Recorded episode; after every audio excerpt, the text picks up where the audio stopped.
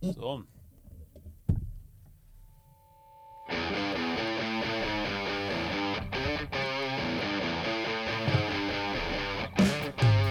Hei og velkommen til OTB-podden.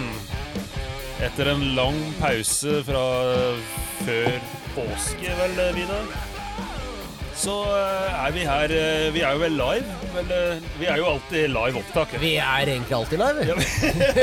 Det er bare det opptaket som andre hører, som er litt uh, forsinket. Ja, helt riktig. Nei, vi, vi er live, fra, eller live opptak fra, fra bobilen på Nesbyen Trailer Camp eh, her, her på, på Nesbyen. Eh, og så har vi allerede åpnet eh, sykkelsesongen her på, på Nesbyen. Eh, vått og grisete, men jævlig gøy, Vidar. Ja, ja, det, det var skikkelig gøy i dag. Eh, det er egentlig det våte greiene. Det er bare noe man venner seg på de to første rønnene, og så er det Så er det bra. Men det er ganske godt grep på ting, selv når det er vått her på Nesbyen. Eh, Man trenger bare å skifte tankegreiene. Ja, og eh, Fart er din venn. eh, Det tar tak til slutt, er ikke det? Ja, det er Sven eh, alltid har lært oss. ja, Det gjelder jo her også. ja, ja. Og- så var det jo ikke regn. Det var jo bare at det, det var litt smeltevann i Det var 25 grader og sol. Ja, Ja, det var snøen som ikke hadde skjønt det. det. Ja, ja. Nei, vi, eh, vi sitter her. Vi er jo faktisk hele fem stykker som sitter her i dag. Eh, vi har med, har med oss en gjeng som er de original OGs av eh, norsk enduro-konkurranse, kan man kanskje si. vi sitter her og bare nikker alle sammen. Eh, de som sitter her, er Knut Lønnquist, Roy Ripe, Johannes Dvorak Lagos. Og så er det én til som egentlig er sånn, kanskje like Eller han er absolutt like involvert, men han kunne ikke være med i dag. Det er Rufus eh, Preis. Preis. Eh, han er her in spirit, men han, han er ikke død. Men, han Er ikke død, nei.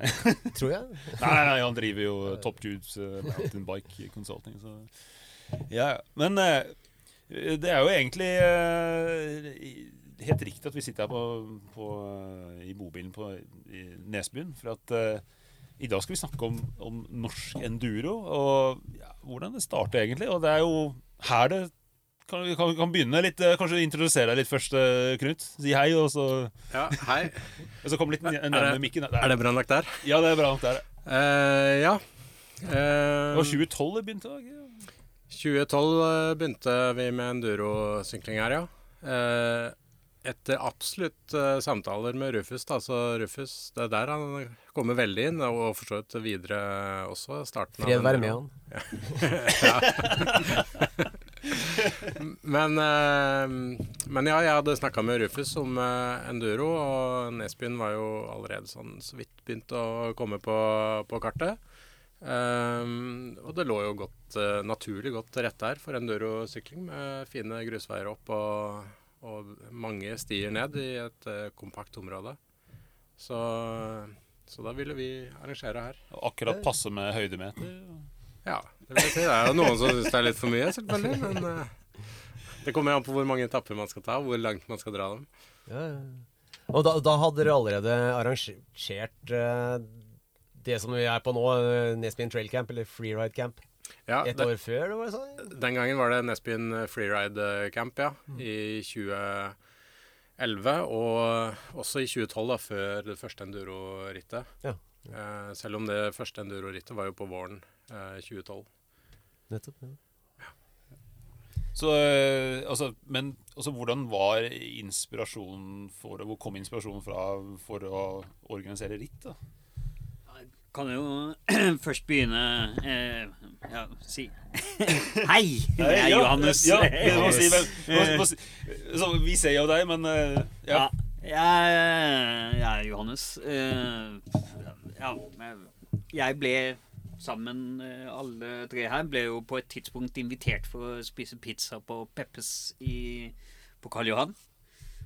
Jeg dukket opp fordi jeg, jeg trodde mente gratis pizza. Jeg måtte jo selvfølgelig eh, betale selv, da. Men uh, Rufus Ble du forbanna? Ja, det, Ja, eller det var jævla skuffende, for at liksom jeg, Vi satt der og liksom Ja, hva med pizzaene? Liksom, Nei, du får gå på det selv på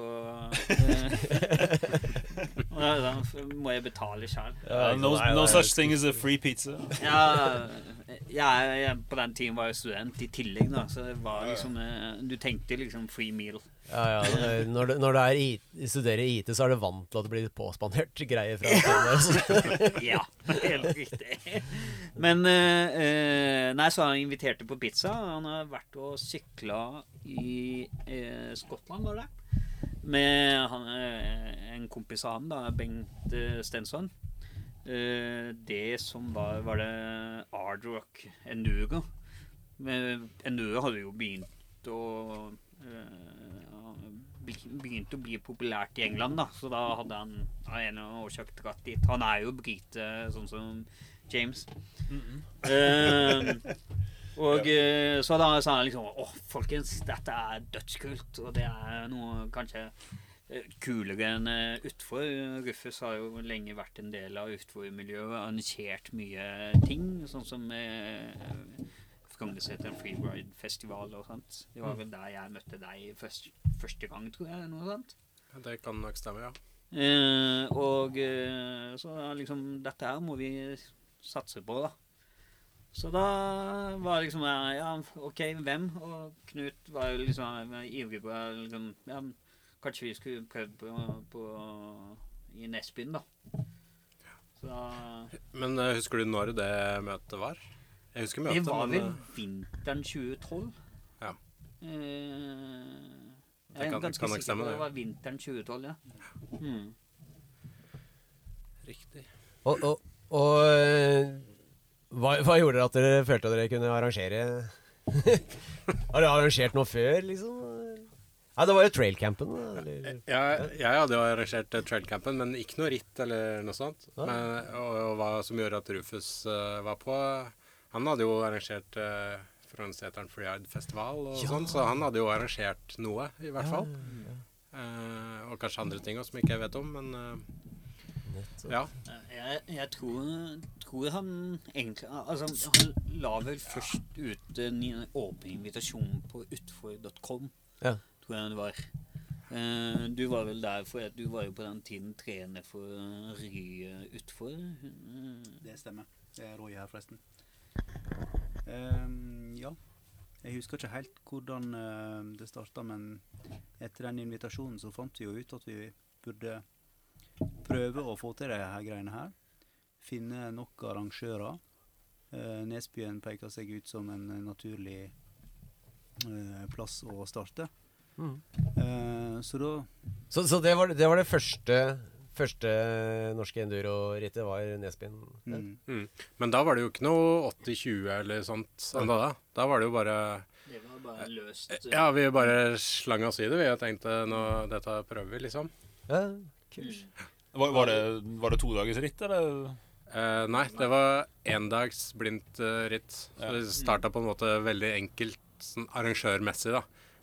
Ikke var det så mange som kom heller, heldigvis. Det var vel tolv stykker som møtte opp. Ja. Ja. Det var vel fire jenter, faktisk. Så det ja. var liksom mesteparten av feltet. Prosent, Prosentandelen har jo prosentandelen har bare gått ned eh, siden det første rittet. Det bare blitt verre. Det beste var at eh, etter et par etapper så, så trynte jo en av de første som kjørte. Så det var jo ingen som avslutta. Oi da. Det var ingen som kom i mål, for alle stoppa for å hjelpe. Det var Silje Holmsen, eh, Oi. samboeren til Sven. Mm. Så hun Jeg tror hun var liksom nummer to eh, startende eller noe sånt. Og så trynte hun og fikk noen kutt. Så alle andre som kom bak, stoppa jo for å hjelpe til og eh, hjalp med å bære henne ned. og. Ene tok jo sykkelen, og andre hadde med noe eh, plast, og tredje hadde kanskje noe gassbind og diverse. Så liksom alle hjalp til med sitt, da. Så det var ingen som avslutta Ja, for det, det, det har jo vært en regel etterpå. Har det ikke vært at hvis du stopper og hjelper noen som har tryna, så, så får blir du bare tildelt en god tid i henhold til en Jo, det, det var jo sånn den gangen òg. Jeg tror jeg var tidtaker da også, som på mange andre ritt. Eh, og, så jeg sykla vel egentlig først. Så jeg kom gjennom denne etappen uten å stoppe for eh, Silje. Ja. Eh, så jeg hadde tid, og alle de andre fikk vel bare tildelt sånn uh, snittid da, på hva de hadde hatt på de andre, andre etappene. Vant du? Ja. Det er bra. Det er det Så viktigste. eh, det begynte jo også litt som en konkurranse for meg og Ove. Hvem var raskest av å to? Ja, for Ove er vel ganske rask, egentlig. også. Ja, ja, absolutt. Egentlig. Eh, Når han gidder. når han gidder, ja. Eh, men eh, Så han uh, syntes jo ikke det var riktig at jeg vant. men så har ikke jeg vunnet etter det heller. Så han har hele tiden vunnet etter det. Og blitt eh, mye raskere. I hvert fall en periode. da. Det må ha vært ganske irriterende. Men du har jo alltid den første seieren. Ja, det er akkurat det. Så Eh, Var det, den eneste seier du hadde? her? Eneste seier, ja. Eneste seier, Mm. ja. Men hvordan, hvordan var stiene på da? Altså, alt var naturlig stier? hadde dere bygd noen ting? Eller? Nei, som det fortsatt er, er jo veldig mange av stiene i gåseøyne naturlige stier. Eh, eller gamle hesteslep til tømmer og sånt, som mange av stiene her i Nesbyen er. Med litt modifiseringer her og der, og noen kortere connections mellom, eh, mellom naturlige stier som, som vi hadde bygd. Så det aller meste var naturlige stier, ja. Ja. Det var det. Og jeg husker ikke hvor mange etapper det var, men jeg tror det var fem eh, den gangen også. Og ikke fullt så mange høydemeter som det ble litt etter hvert. Men eh, ja, det var, det var et ordentlig enduro-ritt, sånn sett. Hva, hva var det som gjorde at dere syntes det var så kult uh, med enduro? Når dere alle drev med utfor uh, Pengene. Ja, Øl, sikkert Jeg pengene. fikk mer sykling ut av det. da. Ja, du får Altså, en hel dag, liksom? Ja, Mm. utfor det er liksom eh, kjøre opp og ned heis og øve, øve, øve i den løypa. Og eh, finne spor og linjevalg og, og tørre. Mm. Mens eh, med enduro så sykler du jo eh, ganske mye lenger, da. Det er jo egentlig stisykling, hvis du ikke lar deg stresse av tidtaking. Så er det bare stisykling. Det var en veldig lang diskusjon, liksom. Når ble stisykling enduro, når kunne du kalle det for stisykling? Mm. Eh, Jeg husker det var Lenge var liksom eh, konsensus at OK, vi kaller kun ritt enduro. Men det du holder på med til vanlig, det er stisykling. Nei, Jeg husker det der at du kunne ikke si at du hadde kjøpt en endurosykkel. Men hvis en, en sykkel er lagd for å gjøre det veldig bra i én konkurranseform, så er det jo på en måte litt eh, fristende å kalle den I den perioden der var det jo også all mountain-sykler. ja, ja, ja, ja. Før enduro liksom ordentlig kom. hva, hva, hva syklet dere på? Hvor mye vannvegg hadde dere? og litt sånn, uh, husker du?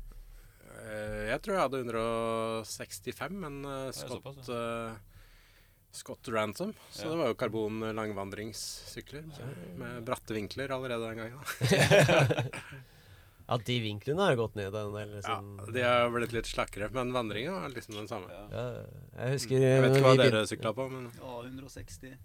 Eh, Ja vi, Jeg hadde ikke starta teamet uh, da, men uh, sykla vel på noen Lightwheel 160 foran bak.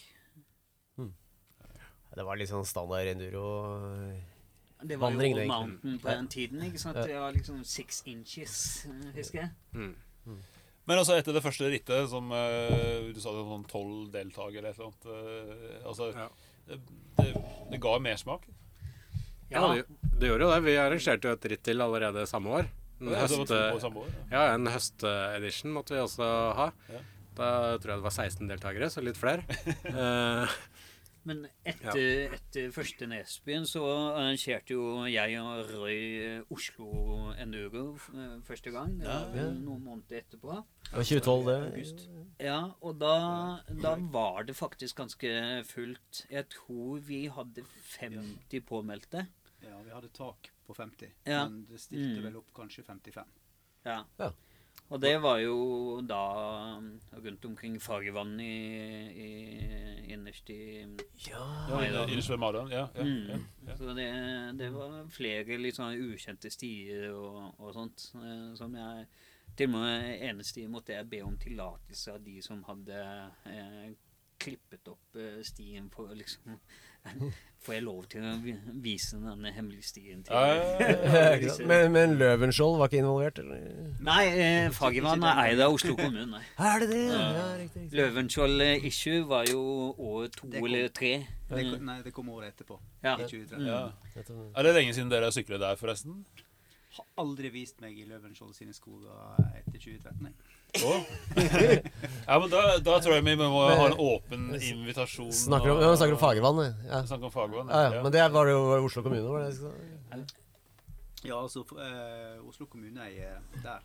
Mm. Men eh, året etterpå så prøvde vi oss eh, på å arrangere ritt i Løvenskiold sine skoger, Ja. som ligger vest for, uh, for Tryvann. Ja, ja, Ned, ned mot uh, Sørkedalen. Ja.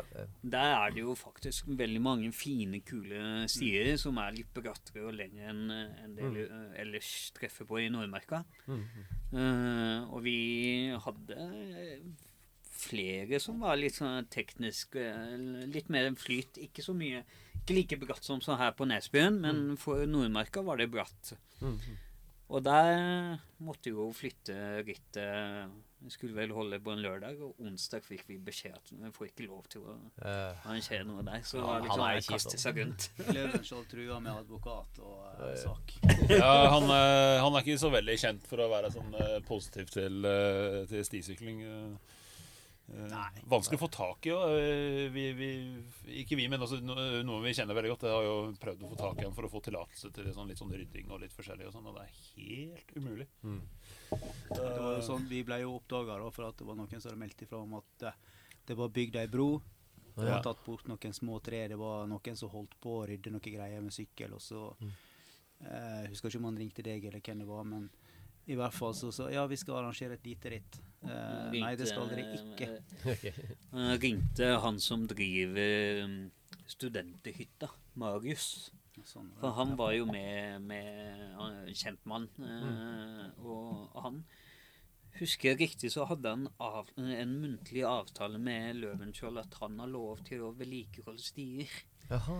Eh, og da var det jo en, eh, en bro som var der, som vi liksom bygde litt ordentlig og breiere og greier. For den har blitt tatt av flom. Mm. Men det var jo det var helt fy-fy. Så Ja, ja. krangla han med Løvenskiold, og vi ble trua med saksmål. Men hvor, hvordan var tidtaking? For du hadde vel ikke sånn chip eller brikke på armen og sånne ting? Nei, nei. Altså, jeg, jeg, jeg, sykla første Nesbyen, også første enduro-konkurranse her i Nesbyen i 2015.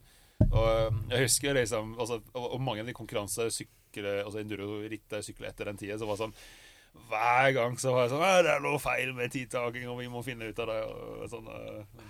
Ja, Tidtaking og enduro har eh, ikke gått hånd i hånd. eh. Jeg syns egentlig i norsk enduro så har det vært en del tidtakingsgreier. ja, absolutt. Det har det. Eh, men de første var mye greiere. Jeg husker ikke helt hvordan vi gjorde det, men det var i hvert fall basert på penn og papir. Ja. klokkeslett. Alle hadde gitt. Ja, det var det. Det var klokkeslett, og da Når du hadde nøyaktig starttid, Ja. så var det jo der, dermed bare å notere ned når du kom i mål. Eh, og så kunne man jo regne ut. Så når det var tolv stykker, så var det greit. Det, det har jeg et bilde av at jeg sitter med en eh, pappeske Jeg sitter på bakken med en pappeske på fanget, og så PC-en oppå pappesken og regner tider etter det første, første rittet. Eh, men så ble det vel eh, Vi fant jo ut at det ikke funka. Jeg husker ikke hvem som kom på det, men det var kanskje en diskusjon i denne gruppa eller noe sånt. Men Da eh, hadde vi vel kanskje etablert 80-20 som liksom skulle ja, kanskje. Men hvordan gjorde dere det i Oslo da, den første gangen? Samme vi eh, Penn og papir. Det var penn og papir, ja. du- Kjøpte vi må- tolv blokker eller noe sånt eh, Ja. for at eh, de som tok tiden, skulle Ja, ja, ei bok for fartsetappe 1, fartsetappe 2 osv. Altså Mm. mm. ei bok på hver. Da er det greit med tak på 50 stykker, ja. Vi hadde jo egentlig ikke nok eh, Eller jo, vi hadde eh, nok folk eh, til å stå vakt og ta tiden. Men vi feilberegnet på de to siste etappene. Jeg og Roy sykla helt bakerst. Og så eh, var vel nest siste etappe vi avslutta, og så tenkte vi liksom ja, vi har god tid. Og Og så begynte det å komme folk i mål. ja, vi hadde, vi Uten hadde at det var noen som i tok eh, Så idet vi sykler forbi liksom mål på siste etappe, så ser vi plutselig eh, Det var Emil Karlsson kom ut av skauen. Liksom, uh oh. Tidtagerne? og, og jeg bare sjekka GPS-en. Cirka klokka slett et eller annet. Husk det tallet! og da bare hoppa jeg. Vi, vi liksom OK, Roy, vi får eh, droppe å avslutte rittet personlig. Vi må stelle oss her og bare begynne å notere. Mista både oss og syklene i grøfta og begynte å notere klokkeslett. Og- Det var kanskje ikke like Det var kanskje ikke så lurt at uh, tidtagene ble med i rittet. Kanskje ikke hvem det var som var de første. Emil, i hvert fall. Og Det var E- Emil og Jostein Hole. Jostein, ja. Eh, de var ikke helt fornøyde med opplegget, da, men eh, Ja, jeg tror faktisk Emil eh, husket den episoden i, i flere år etterpå. uh, og jeg tror jeg har Facebook-chatten med han eh, hvor jeg krangla med For han uh, uh, På den tiden så var det, husker jeg timelapse-klokkene. Som er en del av utforsyklistene jeg drev og, drev og brukte for å, å trene. Som du satte opp to pinner, og så tok klokken liksom med en gang gjennomsnittet. Han hadde på seg det, da. Så da hadde han tatt nøyaktig tid for når han kom i mål. Ja. Eh, jeg kunne ikke fortelle Ja, men vet du hva, vi bare liksom kom syklende forbi, og så ser vi deg komme ut av skauen, og jeg bare liksom sjekka GPS-en og bare liksom Å ja, husk det klokkeslettet, for jeg, jeg kunne ikke si det, da. Han, han endte jo på den sure andreplassen. Ja, oh, oi, oi, oi. Da, da, da betyr det jo noe, da. Ikke sant? Ja, det- Spørs om du får en melding etterpå etter den det, podkasten. ja, nå, ja, nå sliter jeg. Emil, det kan hende du vant Oslo Enduro i 2012. Kanskje, kanskje ikke. Men eh, altså, etter, etter første året jeg hadde to ritt, og det var 16 mennesker og det sånn, altså det, det Og 55. og, Ja, og så ble det 55. Og så det bare begynte å balle på seg. Men når, begynte det å bli 80-20? Året etter. Ja, det var kanskje det. Vi, hadde jo, vi har jo hatt en chat før denne podkasten hvor vi sendte noen bilder fra oppstartsmøtet og sånn. Men jeg husker jo ikke nå når datoen var. Men da igjen var det jo Rufus som inviterte, vel. eh, Og det er han som fant på 80-20 enduro. Hva, hva betydde 80-20 for de som ikke vet det? Hva var, hva? Det skulle, skulle vi 80 nedover og Mm. 20% bortover eller oppover. Hvor, hvor tok dere de prosentene fra? Nei, det var sånn Altså, enduro skulle jo være tungt, Ja. hardt. Så det skulle være litt sånn element av uh, bortover, oppover og litt små sprinter eller Det skulle jo skille seg fra utfor. Det skulle Ja. jo ikke være utfor. Nei. Da måtte det jo være litt flatt oppover òg. Enduro har endra seg litt etter det. Både Ja, ja. EVS og alt. For nå er det jo bare en serie med utforritt. Men den gangen så skulle det jo være mer tråkking. Ja. Så mer, eh, Så det, det, der, der navnet kom fra, ja. Ja, det fikk jeg jo smertelig erfart første etappe på, i 2015. Så jeg tror jeg hadde sånn sluttid på Jeg tror det var sånn 16-18 minutter eller noe sånt. Så det, det var, dere hadde jo lagt inn helt sånn Vi har jo den eh, enduro-løypa vår her i Nesbyen, og den er jo dønn flat. Den Ja, der er det mye oppover. oppoverbakker, eh, i begynnelsen. Nesbyenflat, da. Ja, jo, men Ja, den men er første, flat. første, område, første delen av den er jo ganske mye oppovertråkking og bortovertråkking. Ja, ja, når, når du treffer den etter at du har begynt på toppen av fjellet, og allerede sykler i Jeg vet ikke hvor mange minutter man bruker ned, men eh, da det, de, de fleste bruker nok rundt fire-fem minutter da, ned dit, Ja. med, med liksom alt du har. Ja. Og så skal du begynne å tråkke på den flate biten etterpå. Og så har du et halvannet minutt til da, med sånn high speed til slutt. Så det er jo ja, ganske brutal, eh, den. Det likte vi som arrangører. Eh, I Oslo eh, har jo egentlig litt det problemet at det er egentlig ikke bratt nok. Nei, Eh, det, det meste er jo, blir jo for flatt for vanlig Det går fint an å finne bratte greier, men da er du ferdig på under to minutter. eh. Ja, ja. Ikke På, sant? på første rittet vårt så fikk vi jo litt kritikk for den ene etappen, og den siste To? etappen. To, To, etapper, Mm. ja. Fikk eh, skreket etter meg av en som kom i mål. Jeg Hva faen er dette? Er det cross country, eller?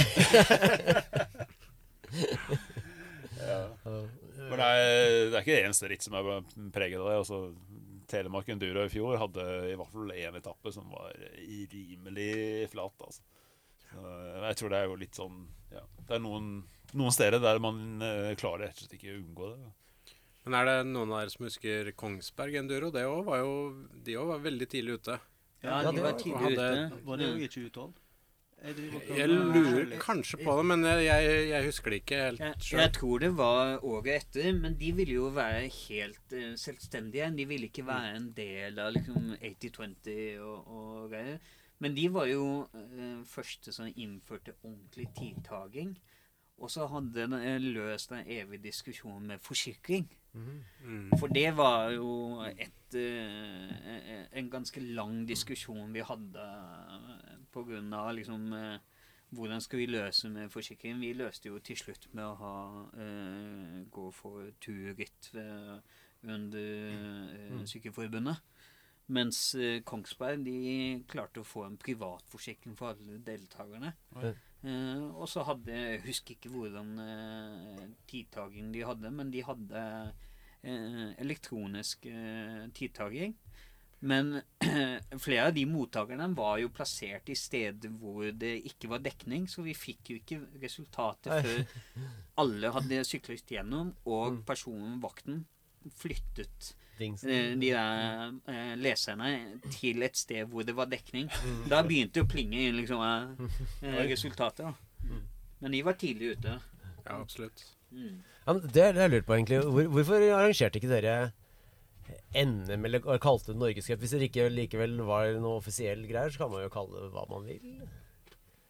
Jeg vet om i snowboardkonkurranser hvor, hvor folk kaller det for VM, og så er det bare et lokalritt, liksom. Det var vel ikke noe stort poeng for oss at det skulle være Norgescup eller NM eller sånn, tror jeg.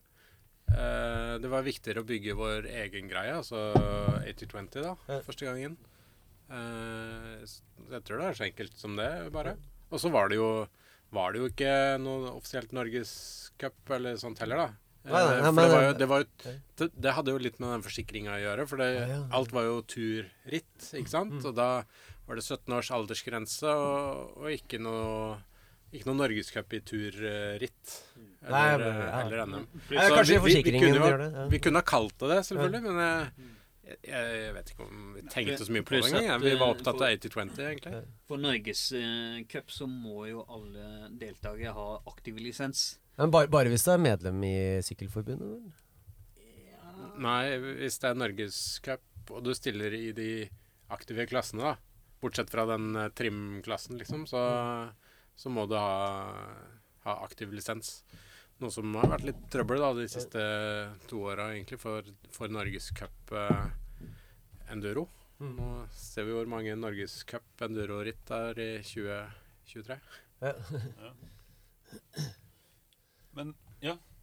Nei, nei, nei, det er bare jeg jeg tenkte på sånn- en del sånne amerikanske sporter hvor det er mange forskjellige konkurrerende forbund, og de er stort sett drevet av private sponsorer. Så finnes det jo mange forskjellige worldcuper i samme sport. Jeg jeg kunne godt ha tatt en egen podkast på det, men uh, Sykkelforbundet sitt monopol i Norge er jeg ikke noe stor fan av akkurat, nei. Men når, når var det at 80-20 begynte å gjelde ikke bare Nesbyen, men mange, var det, mange steder? Var det da dere dannet 80-20-serien? eller? Ja, det, det første året det var 80-20, så var det jo fem ritt, vel, med, med en gang. Det var traktor. Så var Ja. det Molde. Var de med f så tidlig? Ja, var de med så tidlig? Ja, jeg tror det. Eh, Første året på 80-20, ikke første året vi begynte å arrangere, men jeg tror de var veldig For det var jo traktorer, Oslo, Nesbyen. Mm. Eh, Drammen var jeg ikke interessert, for de holdt NM i utfor det året, husker jeg. Okay, ja. Eh, Her skinner det litt gjennom hvor lenge siden det er, i hvert fall. Mm, er ikke lett å huske alle detaljene, nei. nei.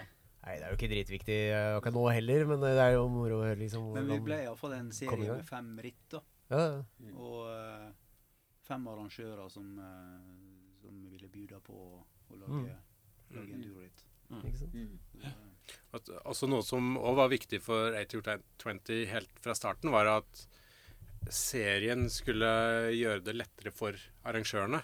Mm. Så arrangørene stilte på en måte med løype, og så ordna 80-20 resten. Så da, da måtte noen av dere reise rundt på alle ritt? da. Ja, så 80-20 ordna jo tiltaking, og 80-20 ordna markedsføring og ja, ja, alt egentlig, da. Bortsett fra selve løypa, og så måtte det være en lokal arrangørklubb.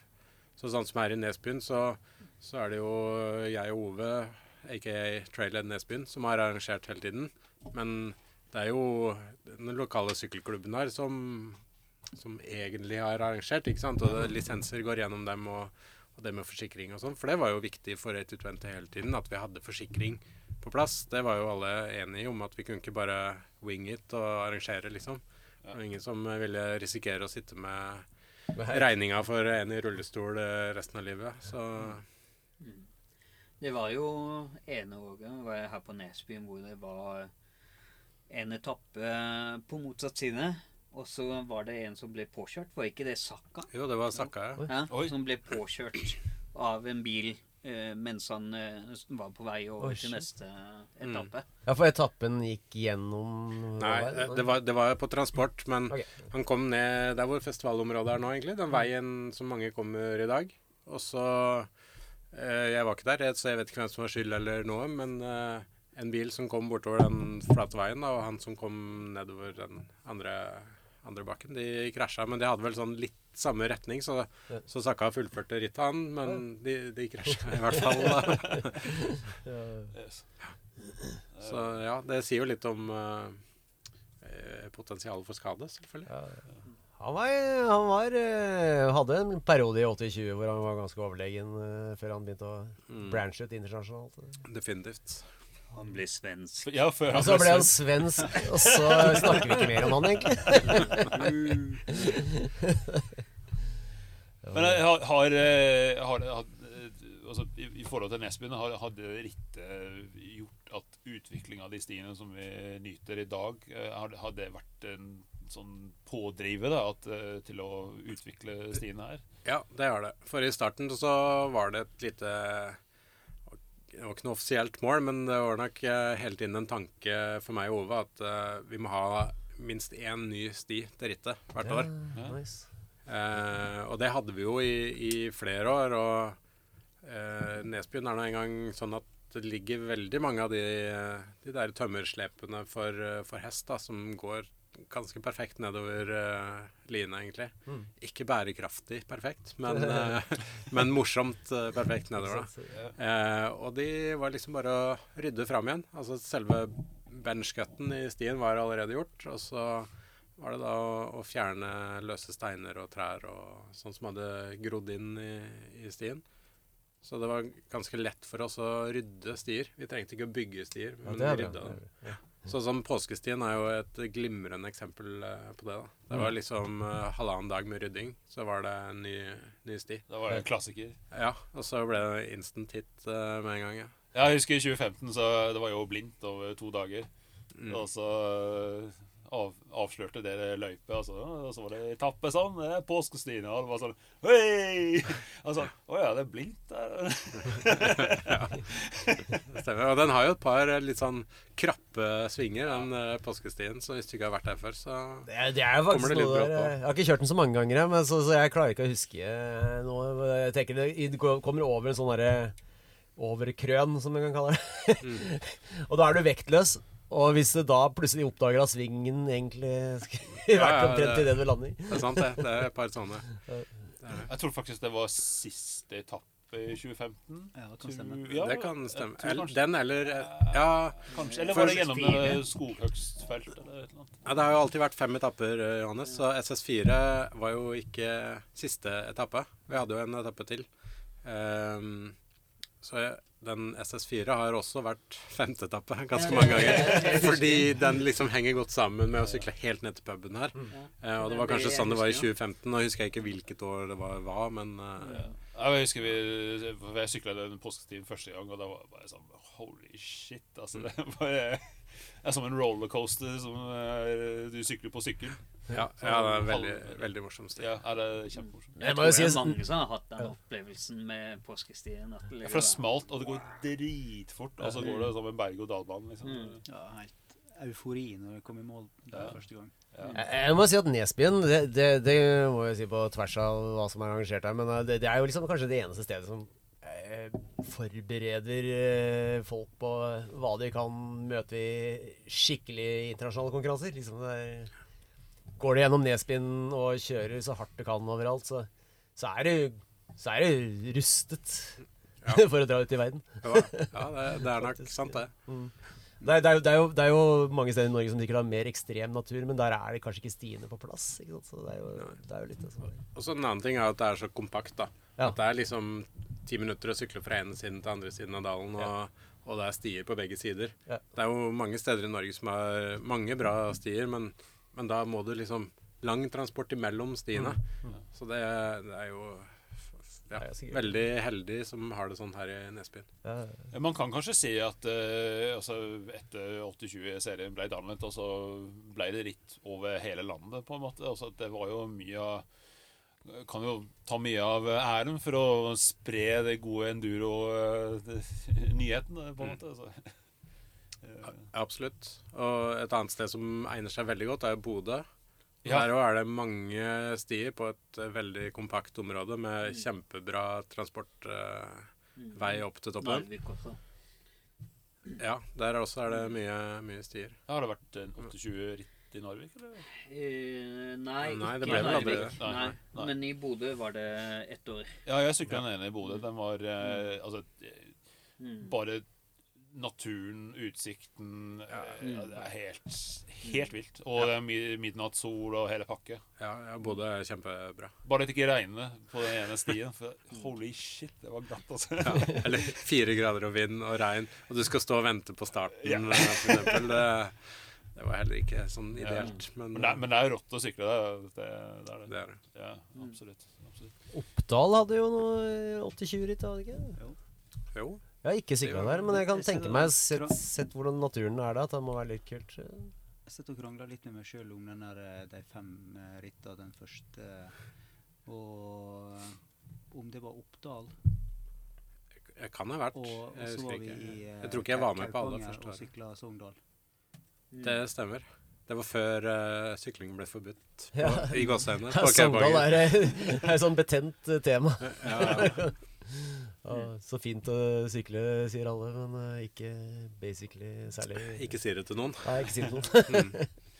Men det var, jeg husker i hvert fall eh, For at jeg, jeg begynte liksom med endurosykling i, i 2015 for alvor.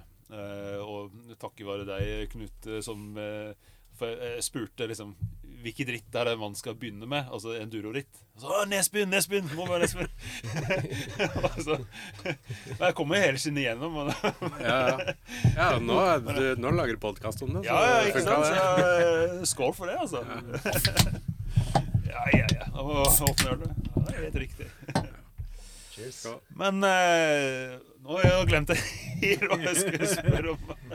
Sorry. Det var takket være Knut. Ja, ja, ja. det Takket være Ja. Men Jo, eh, eh, ja. det jeg skulle spørre om, altså fordi eh, eh, 80-20 hadde også litt rykte på seg å være ganske, eh, ganske harde ritt, altså i forhold til sånn teknisk og sånn.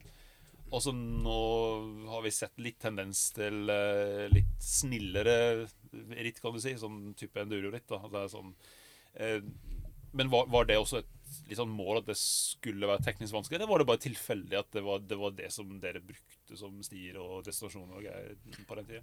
Eh, Nå svarer jeg jo for Nesbyen, men eh, vi hadde jo Ove, da, som er en rimelig hard eh, type. så han digga jo at det var mest mulig høydemeter. Og, og vi så jo til EVS og utenlandsk enduroritt også, hvor det gjerne kunne være 2000 pluss høydemeter Mm. på et ritt. Og det er ganske lett å få til her i Nesbyen òg, så har vi kjørt på, vi. Mm. Eh, Noen av de utenlandske rittene hadde kanskje en heis, eh, Ja, de sånn, men det hadde ikke her i Nesbyen. da. Her var det tråkking. Ja. Så på det meste så bikka vi vel 2500 høydemeter, tror jeg, på, på ett ritt. Og alt var eh, for egen maskin opp. Ja. Da fikk vi litt tilbakemeldinger på at eh, det kanskje var unødvendig hardt, da. Men dere hadde noen todagersritt men det- todagers eh, ritt også. Var, slå, var det mer populært med todagersritt, eller ville folk helst ha én dag? Én dag. Ehm, det gjaldt jo de andre rittene òg, men eh, hele 80-20-serien hadde jo ikke noe mal på hvordan det skulle være i, i Det skulle være fritt for hver arrangør hvordan Ja. man uh, hadde det. Og, og hele enduroverden var jo litt sånn Prøvde seg fram på den tiden. Eh, en dags blindt ritt, eller en dag med treningsdag, eller, eller to dager blindt, eller to dager med trening. Men vi var jo litt opptatt av at det skulle være gjennomførbart for eh, folk i vanlig jobb. Og, som arrangør i vanlig jobb, så Ja, var det også et poeng. ikke sant? Eh, så, så da var det jo enten to dager blindt eller én dag med trening. Eh, og nå er jo én dag med trening etablert seg ganske bra, men det er jo fortsatt noen som, som har én dags uh, blindt. Eh, Altså Blindt da- der passer jo veldig bra hvis du bare har lyst til å kjøre en konkurranse, og ikke er resultatjeger, holdt på å si. Ja, absolutt. Og, og noe som alltid kanskje har vært litt dumt for enduro eller 80-20, var jo at det ble jo aldri noe sånn etterpåfest eller mm. aldri noe sånn sosialt. Sånn, Rittet var ferdig, alle dro hjem, ferdig med det. Ja, det, det var liksom ikke noe mer. Og så treningsdagen så sykla man jo gjennom løypa og var seriøs og skulle ikke drikke og Ja. Det var liksom ingenting, da. Så det ble aldri noe sånn sosial greie. Det ble annet enn selve syklinga, da. ja, Oslo gjort prøvde en gang å ha fest. Uh, det var først uh, Nei, året to på Tryvann. Og uh, da skulle vi ha fest hos Nede i butikken til Hagløfs. Mm. Jeg tror vi var tre stykker som møtte opp. Så jeg husker jeg tok én pils og dro hjem. Mm. Da, eh, Det er ikke så lett, eh, egentlig. Altså, du er jo ganske sliten når du er ferdig. Altså. Jo, men hadde det vært endagsritt på en lørdag, eh, og du hadde fri søndagen, på en måte, så kunne man kanskje ha fått med flere. Men når det er ferdig på en søndag, da, og du skal på jobb dagen etterpå, og sånn, Det har alltid vært utfordrende å arrangere endagsritt på en lørdag òg. Ja. Treninga går greit, for da trenger ikke du tidtager og hele den staben Mm. der. Men å få liksom frivillige nok til å arrangere full helg, eller på en lørdag, da, det, det er ikke så enkelt. Det var jo alltid også et spørsmål antall frivillig. For mm. du må ha en del folk rundt omkring i skogen. Ja. uh, Ja, eller må du det? For da Vi, vi landa ikke det med tidtaking i stad, så litt tilbake til det. Så, så uh, gikk vi jo fra penn og papir, og så gikk vi over til uh, tablets. mm. Uh, og først så var det jo Eller altså halvveis digitalt. Og først så var det fortsatt liksom et veldig satt tidspunkt på start.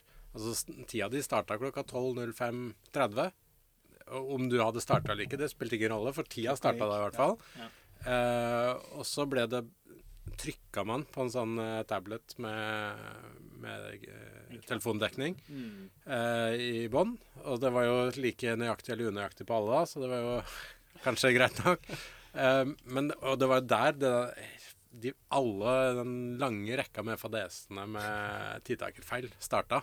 At det tabletsystemet ikke funka, og at det ble trykka litt feil, og det var brukerfeil. og... Det var mye Det var så mye tull i hvert fall to år. Mm. Uh, og det Ja. De resultatene ble jo aldri uh, gitt liksom uh, ferdigspikra før noen dager etter. Nei, det er flere dager. Det var liksom, liksom Jo, sånn cirka kan vi si at vedkommende vant. Men det ble alltid justeringer i etterkant som gjorde at liksom Å, shit, pallen ble jo eh, 50 annerledes enn hva vi ropte ut. Uh, da- Men, men gitt et par dager, hva, hva, hva, hva, får dere til på et par dager som gjør at dere kan finne ut eh, finner, er, det sånn at man nærmer seg sannheten, eller finner man sannheten etter Ja, vi fant jo et sannheten stort sett. Eh, mange, mange ganger så ble jo aldri f.eks. sånn fra, fra en uh, tablet, da, Mm. så, så trykte en på 'send'. Så sendte en resultater inn til eh, til en server som uh, skulle tygge på det, og så kommer det ut en, egentlig ei ganske ferdig resultatliste, da. Men det, det gjorde de jo aldri. Mm. Nei. så vi måtte jo få det inn i uh, Excel-fil, og så konvertere det. Og så var det Vi hadde jo backup, da. Mm. Altså Det betydde at en person satt i tillegg der med penn og papir fortsatt. Ok, ok. Ja, og noterte klokkesletter. Ja, vi, vi vi. Eh, og, Og så der, vi pa, måtte der pal, pallen ble regnet ut med de Mm. nattvattene, sikkert? Men du vet, eh, de, hvis det da skjedde at er resultater fra en tablet ikke kom fram Mm. på den søndagen, og så var det jo ikke folk på jobb gjerne Nei. For å hjelpe oss med å få tak i dataene før Nei. på mandag. Og så gikk kanskje hele mandagen før vi fikk det. Og så måtte vi sette oss ned og regne og dobbeltsjekke og sånn. Og så vi, skjønner. skjønner. Ok, så det var en faktisk prosess. Det var ikke bare sånn derre Sannsynlighetsberegn. Han er jo litt raskere enn han der. Han har alltid vært raskere. Det, det var det òg. Det var det liksom, eh, noen ganger, for eksempel, hvis eh, sjekka listene, og så sa jeg liksom Jeg var veldig høyt oppe. Så var det liksom Det vet jeg ikke stemmer. så er det da OK, dytter jeg ned liksom 20 plasser. Det var, ikke sånn eh, Oi, Emil Karsen, han eh, burde egentlig vunnet. Eh, kanskje vi skal dytte den opp litt i gang denne gangen. Ingen kommentar. Kanskje vi skal gjøre det neste år, hvis han stiller opp. Ja, for kompensasjon. Ja, Han får 20 sekunder i minus. han skal tross alt få den eh, 2012. Da, da, gjør, da gjør han, begynner han å gjøre comeback, vet du, for da tror jeg at han har blitt uh, ungdom igjen. Han, han har begynt å satse på den Crooks Jam og sånn. Å, ja, ja, ja. Da har du gitt opp. eh, Ja. Hørte du den, Pål? Han, eh, Da, da trenger du ikke å være rask lenger, da skal det bare vise. han brukte i hvert fall ikke elsykkel, sånn som Knut eh, gjorde forrige helg. Nei, det stemmer, det. På Stemmer. Krukstrøm? Ja, Ja, ja. ja. Men det gjorde jo halvparten av de andre òg. Jeg, jeg føler Det jeg var var i greiere, godt det. selskap der. Det er jo mye enklere. Mm. De cruxene er veldig veldig vanskelig uten sant. faktisk. Så kudos til uh, han som Altså, vant på analog. Vi, vi er veldig glad i elsykler, vi, så vi, vi skal ikke si imot. Men ikke så glad i å krukse? Jo, jeg er jo glad i krukse, men mer nedoverkruks, kanskje. I fart uten å holde bremsen. Ja. Men tilbake til tidtaking, så ble det jo kjøpt uh, skip-system. Mm. Kjøpte jo Trailer Nesbyen skip-system og tok tida på alle enduro-ritta i to år, vel. Eh, I hvert fall i 8020, og da var det jo ikke noe sånne problemer lenger. Bortsett fra det første rittet her i Nesbyen, faktisk. Med det nye systemet. Hvor uh, vi gikk ganske hardt ut og bare Nå er det ikke noe mer tull! Nå er alt i orden! og så bare Nei, vi må stryke en etappe.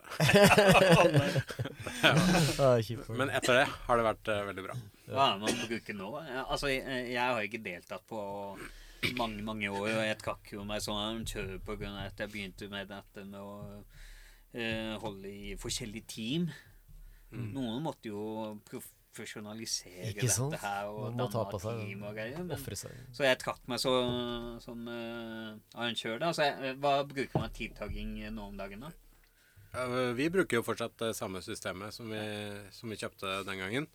Eh, og har faktisk oppgradert hele systemet. Både, både sånn tidtakerbokser og, og skipene er oppgradert. Uh, men Drammen kjøpte jo Eller Aron CK kjøpte jo også et tilsvarende system ett eller to år etterpå. Som ble brukt i den uh, Østafjells-serien. Eh, og hva de andre gjør, det vet jeg ikke. Sånn, ja. Jeg jeg, lurer på om det er nå, hvis du stiller opp i Norgescupen, at uh, Sykkelforbundet kommer med noe utstyr de kan få låne, faktisk. Gjør det det? Uh, ja, det er i hvert fall det jeg hørte, men jeg vet ikke om det skjer i praksis. Jeg tror ikke det er Sykkelforbundet som stiller med Det er ikke det. Nå, nå skal jeg være litt forsiktig, men ja. Men så var det jo også vi- vi- 80-20-serien. Den ble til slutt slutt. Eh, hva, hva, skjedde, hva skjedde med 80-20-serien? Eh, først så var det jo alle de andre i 80-20-serien som, eh, som trakk seg av forskjellige grunner. Eh, så da var det bare meg og Ove igjen, egentlig. Vi kjøpte jo da tidtakerutstyr og, og holdt liv i 80-20-serien i to år, vel. Eh, bare jeg og Ove, egentlig. Eh, men det viste seg at det er jo ganske mye jobb eh, for to stykk å gjøre alt sammen. da. Og, Og det er bare frivillig, vel? ja, bare frivillig å bruke ja, fem pluss helger på, på reise på ritt og ta tid og Ja. Det, det ble rett og slett for mye jobb, egentlig. Det var jo litt gevinst. Man fikk vel sånn eh, 10 000 kroner i honorar, liksom. Men eh, for fem helger med- pluss med mye jobb, så var det liksom Nei. Det, det ble for mye. Eh, og så prøvde jeg å gi det bort til noen andre og sånn, men det var ingen som, eh, som var interessert. Uh, Det var en grunn til at det var bare de to igjen. ja. Og så kom jo, eh, kom jo Sykkelforbundet, da. Og, for da var jo, hadde jo UCI anerkjent enduro som egen gren, og Sykkelforbundet var jo, skulle jo gjøre det neste gang det var sånn uh, ting, eller hva det heter, som de har annethvert år. Mm. Og da ble det jo Norgescup eh, Mm. og NM enduro også. Så det er jo ikke så lenge siden det, da. Stemmer, dere hadde jo NM, dere. Det første NM. Vi hadde f- først prøve-NM, og så offisielt NM var vel var det i fjor? Fjor Nei, fjor så Var det Altså i 22 så var Ja. det Drammen, og så Ja. 21 da må Det var det. Ja. det, var det. Og så var dere også seedingritt for eh, EVS. Det har, vi, det har vi vært flere ganger. Eh, men det er jo egentlig bare et stempel man får Ja. fra EVS. De legger seg ikke noe mer opp i Nei. det. Men resultatlista fra rittet, riktignok i andre klasser enn det Sykkelforbundet kjører, eh, sånn at du må operere med to forskjellige resultatlister, ja. det, det telte, da. Så det, det er en overall-resultat, ja, eller? Ja, så jeg sendte jo på en måte alle tidene eh, og fødselsdatoene inn Ja. til EVS, og så regna de ut sin Ja, for de er aldersklasser, Ranking. andre aldersklasser. Ja. andre Mm. aldersklasser, ja. Så Vant Emil noen av de her? det husker jeg ikke. Det bare være ett eller annet han har fått ut av det. Jeg tror ikke det. Men um, uh, Ja, nei, så Ja, sånn var det. Men altså, det, du, de- dere som sitter her, og flere som ikke er her, altså, har lagt ned ufattelig mye arbeid i i disse rittene. Som du sa i stad, altså, fem helg på rad. og uh, ja, lite over her, men ikke noe i nærheten til tilsvarende innsatsen og sånn. Nå er jeg ikke noe med i 28, dessverre, men enduro lever videre. Uh, men uh, følte du at liksom dere sådde den frøen, enduro-frøen, på en måte, som eh, har jo gjort at uh, lever videre? Og, og, og hva syns du om enduro nå? Uh, I Ja. forhold til konkurranse og Ja, du så på meg mens du sa det Ja, der, men uh, de andre her var jo absolutt med, og Rufus eh, skal vel ha liksom Mm. Nesten all æren for at enduro starta sånn som det gjorde, altså. Han det- burde ha betalt pizzaen, da. Ja, ja. Nei, men det er eh, litt surt, det der. Eh, Enduro hadde helt sikkert skjedd i Norge eh, allikevel, men eh, ikke på det tidspunktet det gjorde. Uten nei, Rufus. må jeg arrangere, da. Vi kan ikke bare tenke. Ja, nei, tenke altså Han sådde jo en tanke i oss, da. Vi Ja, ja. hjem igjen litt, litt mindre penger enn når vi ble invitert på pizza. Men med en tanke i hodet om at dette her er jo, det virker spennende og kult. Så Ja, ja. kanskje vi kan få til et eller annet. Hvor skal vi arrangere hen, og hvem skal vi få med? Og, ja. Så vi nevnte jo Traktor Bike Park i stad. Peter var jo Peter Lomsdalen. Ja, han var med i starten, og også Jo Inge Mandt var med i styret i 8020. 80-20. Ja. Mm. Eh, var det noen flere vi har glemt da? Kongsberg er jo fint å nevne også. Vi har jo nevnt dem, selv om de holdt seg utafor. Ja. Men de var med og dra i gang enduro. Absolutt. Mm. Det var en veldig fin arena. Mm. Fint terreng for uh, enduro der. Nå Må det bli uoffisielt enduro i Fagervann igjen, da, for å feire i Oslo? Kanskje vi må ha comeback. Nå er det jo, ligger det jo litt brakk i Oslo, for etter at vi flytta arenaen til Tryvann, som for så vidt passer greit, da, Ja. uh, så passer vi på den andre sida kanskje ikke helt inn uh, i, i planene til, til Tryvann, da. Altså Mm. til mm. For det er jo det de satser på, der er ski Ja. og klatrepark. Sykling har det vært noen spede forsøk på, men Mm. det har liksom aldri slått helt an. Det er veldig rart, egentlig, for nå, nå er jo grunnlaget blitt bedre enn noensinne. egentlig. Vi har jo Frognerseteren rett ved siden av, sånn er gratis. Ja, men Frognerseteren eh, Innmari bra sted å kjøre, men jeg, jeg syns det tar en time per rund. Altså. Det- Da det kjører du akkurat litt for sakte, for det tar en halvtime per run hvis du kjører akkurat fort nok. Det. Ja. Når du kjører sammen sammen en gjeng, da, så blir det sånn eh, Noen stopper der, og noen stopper der, og sånn. Ja, og så får du maks ventetid på T-banen. Men det, det, det jeg hørte fra en som drev med markedsføring med de, karer jeg kjenner som jobber litt for Tryvann, det, det var at de faktisk så allerede for en del, god del år siden e-bike-utviklingen. Og det hørte jeg også var ganske sterkt pådriver til at de ikke satset mer på sykkel. De mente at e-bike kommer for fullt, og ingen vil trenge heis. Så hørte jeg, da. Ja.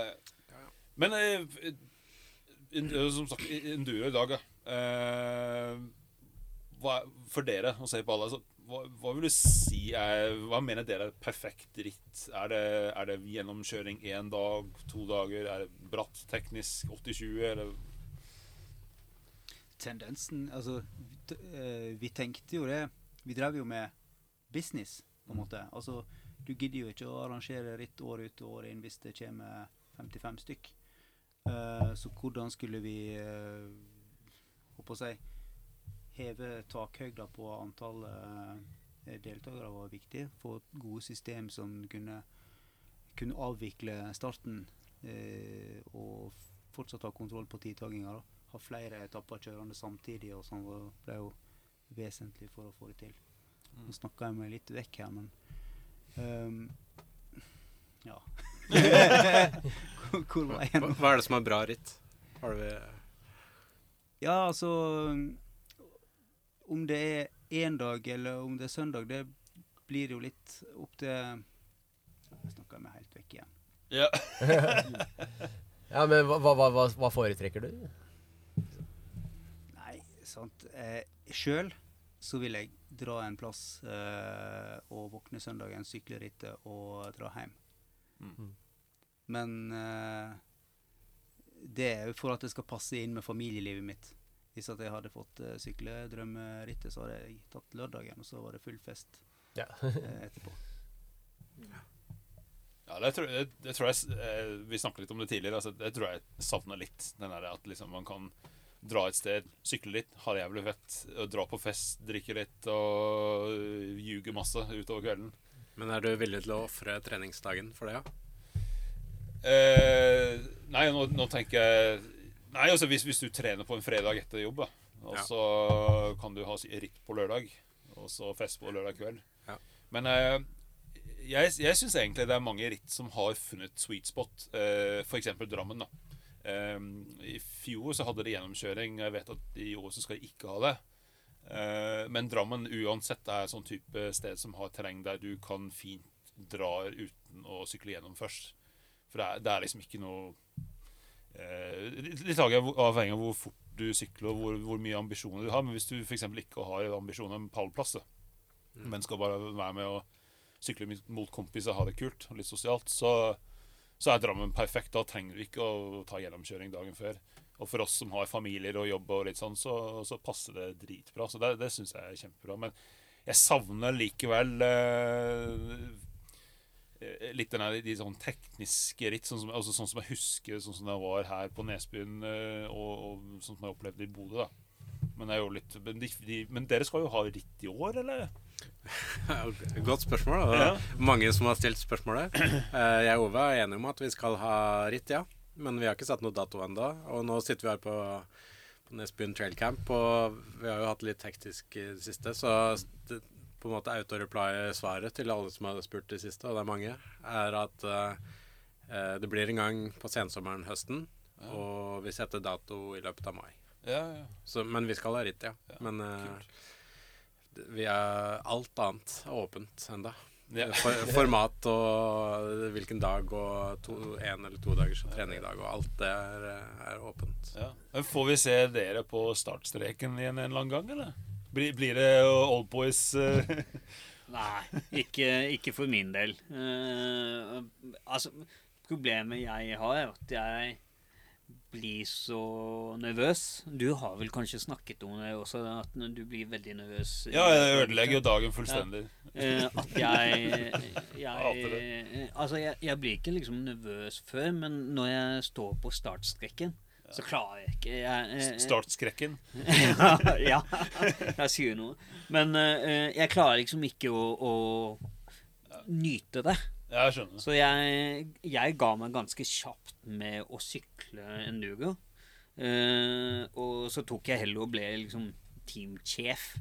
Da kunne jeg heller sende folk ut liksom, og, og dere Du kan være nervøs, kan du si. Ja, ja, ja, jeg, kan- jeg, jeg, satt Jeg skal ikke være nervøs, du kan være nervøs. Eh, ja, eh, ja du, og, og du skal også uh, ikke bare delta, men du skal ha resultater. Ja, ikke sant? Det, det trenger ikke jeg.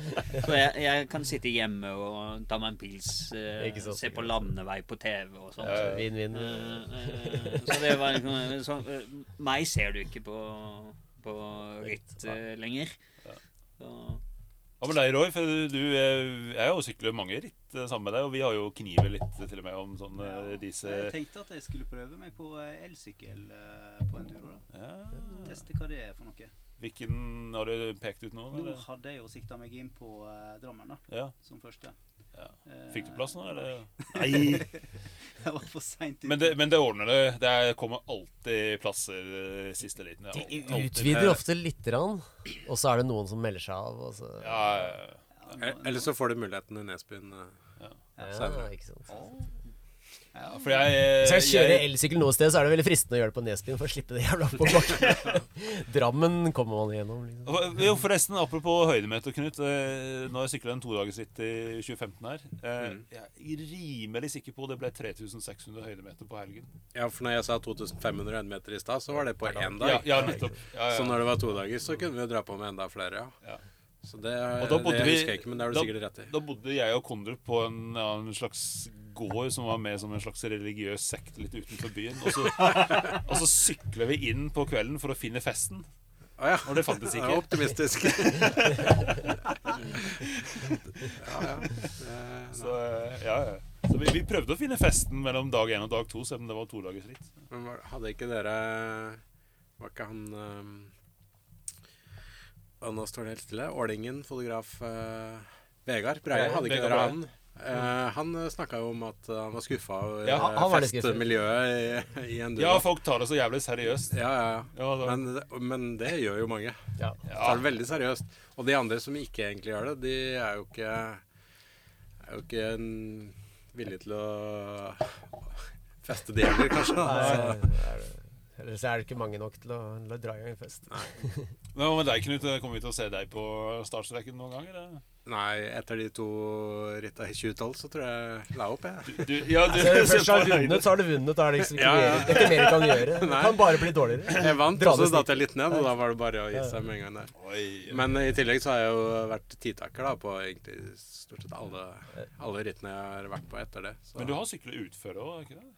ja, bare et par-tre ritt. Å, ja, ok. Ikke så mye. Ja, for det utføret er noe som det virker på meg som har fått litt den renessansen igjen. At eh, jeg ser i hvert fall det sånn i Drammen Bikepark og på Hafjell og sånn, at de kjører disse små serier med utførritt. Og det virker som eh, hvor mange deltar med endurosykkel, da? Ja, det er ganske mange, faktisk. En del. En del, Ja. faktisk. Ja, ja. Så Det er mange som gjør det bra. kjøper ikke lenger eh, så mange utforsykler. Nei. Så, Men det er helt riktig, de små lavterskelgreiene er jo mye enklere å slenge seg med på enn Ja. en å ha en obligatorisk treningsdag og gjennomkjøringsrun, og så skal du vente lenge på racerun etterpå, liksom. Da er det mye enklere å være med på, på noe enkelt i Hafjell eller sånt. Ikke sant. Og dere har hatt utført her, ikke det? Jo da, flere ganger. Ja. Både Norgescup og NM. Ikke sant? Til og med i Norgescupløypa, sikkert. Eh, ja, helt riktig. Helt riktig. jeg trodde, jeg det var XC. Rundbaneløype. da har du ikke kjørt den Norgescupløypa, for den eh, minner ikke mye om X. Ja, det er kjørt. Jeg den. han er bare opptatt av den der kyllingrenna eller hva. Ja. Den kjørte du i dag, det så jeg på Instagram. Nei, det var ikke meg. Nei. Nei, jeg- Vira har kjørt den. Vidar, Eh, Men du har kjørt den før, da? Ja, jeg har kjørt den flere ganger før. Så, Ja. Men eh, eh, kombinasjonen av prøve å komme meg til hekte igjen etter en eh, Ja, vi snakker om det hele tiden på podkast med så- sykdom. Og så eh, ny sykkel og litt diverse, så var, var ikke helt på plass i dag. Det ble kylling. Ja, jeg ble, det ble heller kylling enn kyllingslie. Det ble det. Så ja, sånn er det. Men jeg, jeg tror jeg har den på liste til i morgen. Ja. Ordner det. Mm. Det er, det er meldt tørt i morgen, tror jeg. Ja, ja. Det er det. Veldig.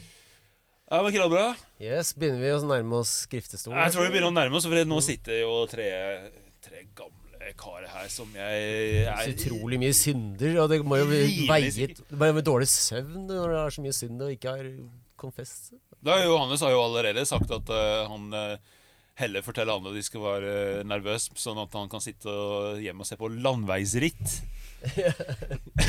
Ja, jeg ser ganske mye på landeveisritt. Jeg ser egentlig mye på sykkel generelt, da. Det meste som har to hjul. Så den går jo liksom i alt fra rundbane-VM og, og det. Men uh, sykkelklassikerne, da vet faktisk kona at hun har ikke lov til å uh, ha planer utendørs. Eh, og hun vet at liksom eh, da står TV-en på i syv timer. Oi, oi, oi. Eh, så det blir faktisk mye eh, landeveistitting. Skal vi se, jeg tror vi må ta hele gjengen her inne i skriftestolen her. Ja. Sånn, ja. Ja. Nei, så du har jo allerede innrømt det med landeveissykling, ja. Øh, titting og greier. Og så stiller du ikke til start øh, flere ganger. Og jeg har sett den, den gaffelen som er på sykkelen din. Eh, Den burde det skal vi ikke å- snakke om. Eh, det skal ikke gå offentlig ut. Ok, det får bli en hemmelighet, da. Ja, men det, det, det er noe jeg tester. Oh, ja, ja, ja, det er sånn det er. Om veldig jeg tester. Jeg tester for Probike. Ja, Ja, ja, ok. Ja, ja, ja. Så, men eh, eh, no- noen er litt opptatt av god demping. Eh, det er jeg veldig opptatt av.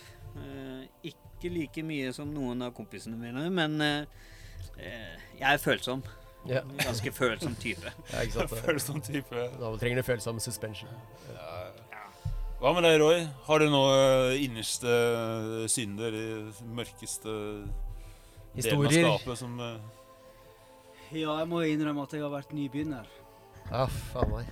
Eh, Det var Johannes her som uh, drog meg med på stisykling, han og en annen kompis. Uh, og uh, ja, hva trenger jeg for å være med? Nei, Du må ha hjelm, du bør ha hansker, du bør ha briller, du bør ha sykkelsko-ish. Uh, og en sykkel. Det Ok, var joggesko. det har jeg, ja ja.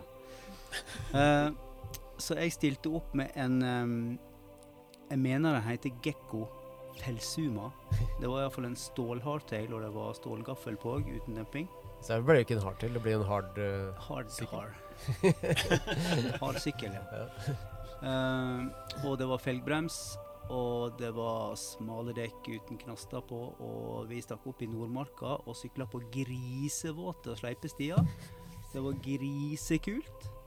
Uh, og jeg punkterte selvfølgelig med, med de dekka og den sykkelen. Og står jo der da med, med slangen i hånda, altså sykkelslangen, og eh, skal lappe. For jeg har med lappesaker. I en eh, sånn her sexy sadelveske. Ja, de ofte, ofte så er jo eh, stisyklister litt opptatt av å ha med seg en slange, så de slipper å ja. ja, nei, det hadde ikke jeg hørt om. Eh, jeg hadde hørt om lappesaker. Jeg hadde òg stilt opp i Lykra, da. Eh. Nyinnkjøpt for anledningen. ja, ja. Det var noen sånne neonfarger på òg, til og med. Så det var helt nydelig. Men da sto jeg der med en gjørmete slangen i hånda og lappesakene og liksom sto og gnikka litt på og prøvde å finne hullet, mens de to kompisene mine sto og, og så på og flira. Og så uh, kommer da kongespørsmålet. Åssen skal du finne høl i den, da? Skal du pisse på den, eller? og da sto jeg og eh, tenkte eh, veldig. Nei, jeg må finne vann en plass, eller, men hvor er det? Og så, ja. Eh, så fikk jeg da til slutt hjelp. Da var, de hadde jo selvfølgelig med seg både én og to og tre ekstra slanger. Det var ikke noen andre som pisset på den for deg? Nei, jeg var inne på den tanken òg, for at jeg måtte ikke pisse sjøl.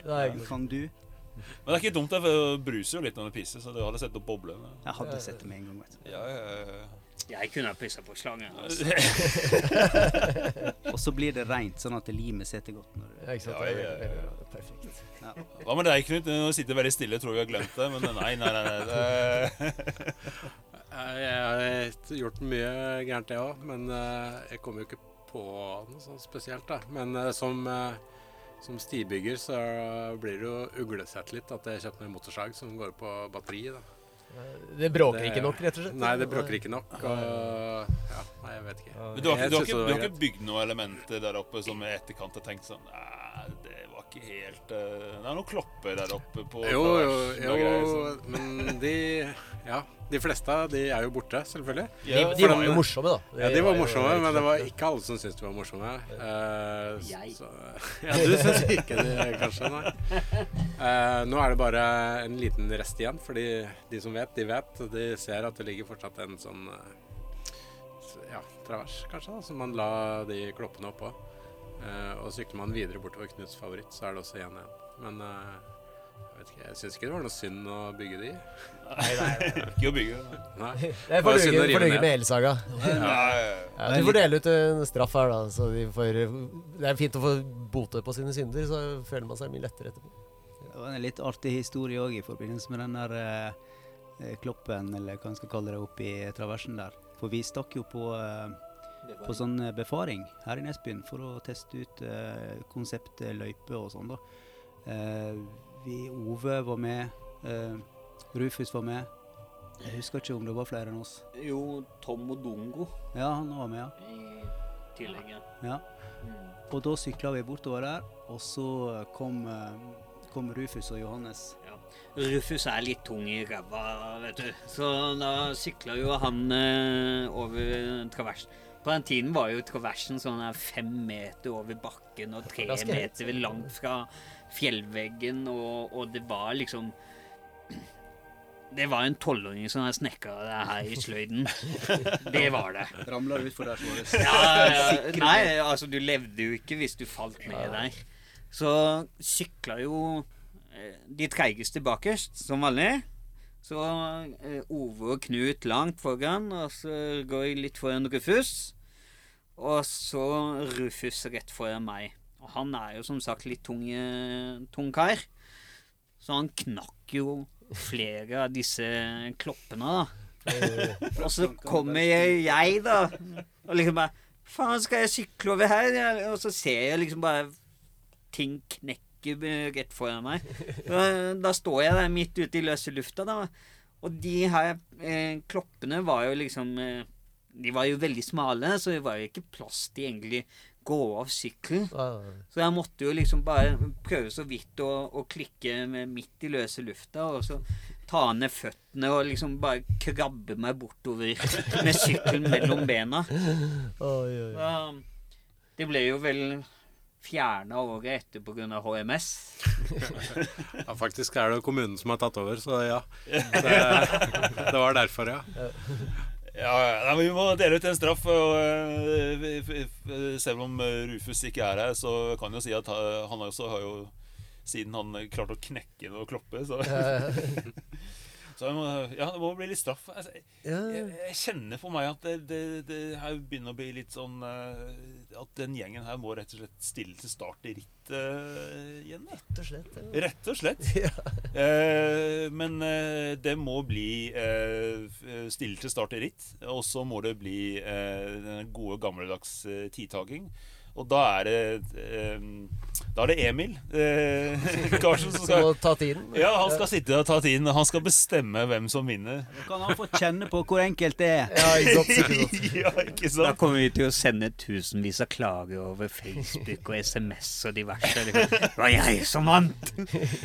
Ja, ja, ja. Jeg tror kanskje ikke det blir Knut som kommer på pallen. Jeg vet ikke. Nei, det blir ganske sikkert ikke. Ja, og litt Ave Marie og videre. Hvor mange Ave Marie? 15 av, av Maria tror jeg holder. 15 Ave Marie. Ja. Yes, yes. Nei, men vet du hva, gutter? Det har vært eh, dritkult å få hørt litt av historien bak eh, Norsk Enduro og 80-20-serien. Og så eh, Det er grisefett å sykle her på Nesbyen. Eh, hvis eh, noen Jeg kan ikke tenke meg at det er noen som eh, sitter her som ikke har syklet på Nesbyen. Men hvis de ikke har gjort det, så må de få ut fingeren og komme hit med en gang og få sykle. For nå er sesongen åpen, selvfølgelig. Mm.